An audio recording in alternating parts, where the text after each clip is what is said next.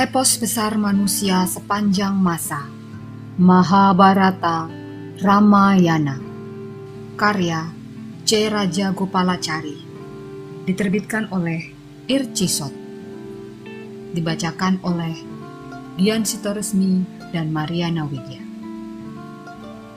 Bagian pertama. Mahabharata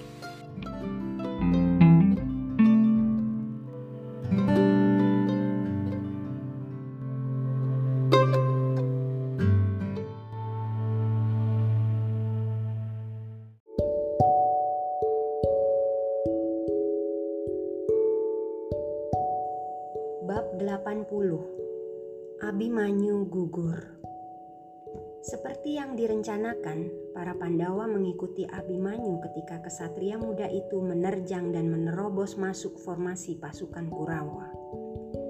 Tapi putra ipar Destarata, Jayadrata, Raja Sindu yang gagah berani, menghadang jalan para Pandawa dengan pasukannya. Gerakan yang tidak terduga ini membuat pasukan Kurawa bisa menutup kembali celah yang berhasil dibuka Abimanyu. Akibatnya, para Pandawa tidak bisa memberikan dukungan pada serangan Abimanyu. Yudhistira melontarkan tombaknya dan berhasil menjatuhkan busur Jayadrata. Tapi dengan cepat Jayadrata menyambar busur yang baru dan membalas menyerang Yudhistira panah Bimasena berhasil menjatuhkan penutup kereta dan panji-panji kereta Jayadrata. Tapi Jayadrata selalu siaga dan langsung menyambar senjata baru ketika senjatanya berhasil dipatahkan musuh. Bahkan ia berhasil membunuh keempat kuda Bima. Akibatnya Bima terpaksa melompat naik kereta Satyaki. Dengan gagah berani Jayadrata menghadang para Pandawa karena hadangan Jayadrata, Abimanyu terjebak dan terpaksa bertarung sendirian melawan pasukan Kurawa.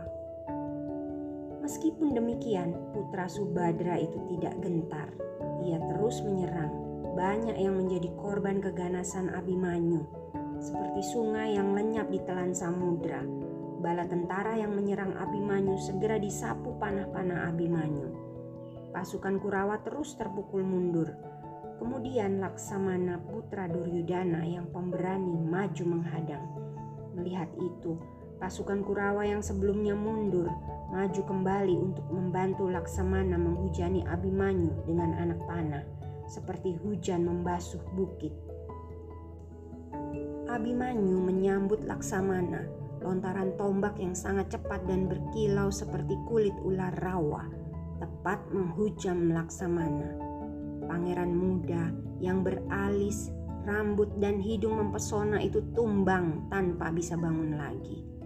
Pasukan Kurawa sangat sedih dengan kematian pangeran mereka. Teriak Duryudana, Abimanyu harus mati. Dan enam kesatria besar, Durna, Kripa, Karna, Aswatama, Brihatbala, dan Kritawarma segera mengepung Abimanyu. Kata Durna kepada Karna, kita tidak bisa merusakkan baju perangnya. Bidiklah tali kendali kudanya dari belakang, lumpuhkan dia dari belakang. Putra Batara Surya itu segera melakukan perintah Durna.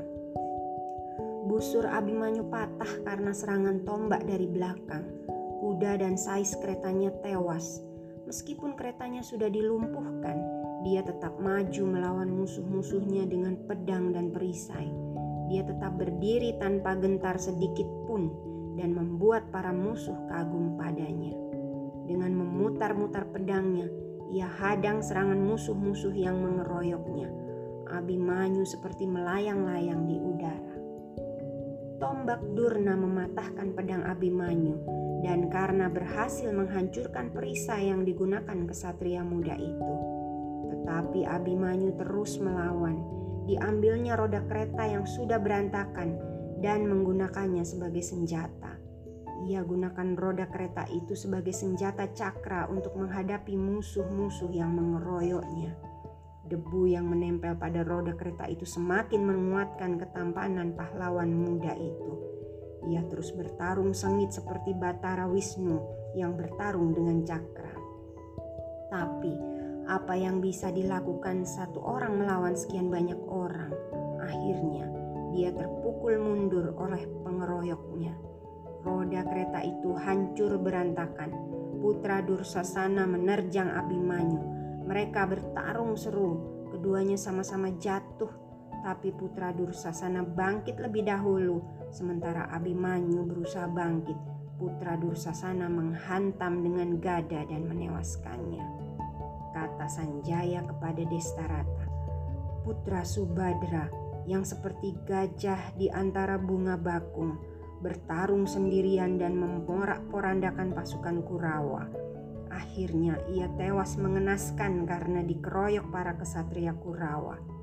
Setelah berhasil membunuh Abimanyu, pasukanmu menari-nari kegirangan seperti orang barbar yang bersukaria di atas binatang buruan mereka. Melihat tragedi itu, semua orang yang punya hati merasa sedih dan meneteskan air mata Bahkan burung-burung bangkai yang melayang-layang di atas medan perang pun tampak menyesalkan kejadian itu. Sementara pasukan Kurawa meniupkan terompet dan memukul gerenderang kemenangan, Yuyutsu, salah satu putra Destarata, tampak sangat kecewa. Katanya dengan marah, "Apa yang kalian lakukan sangat memalukan. Kalian telah melupakan etika dan moral di medan perang."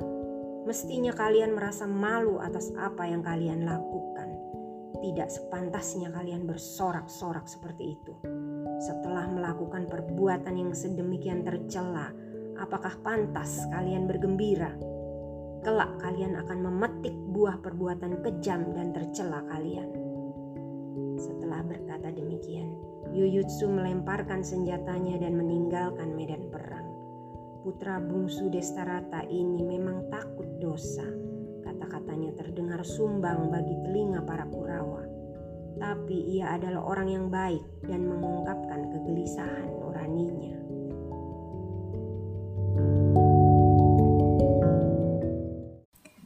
Dengarkan kisah selanjutnya di episode berikutnya.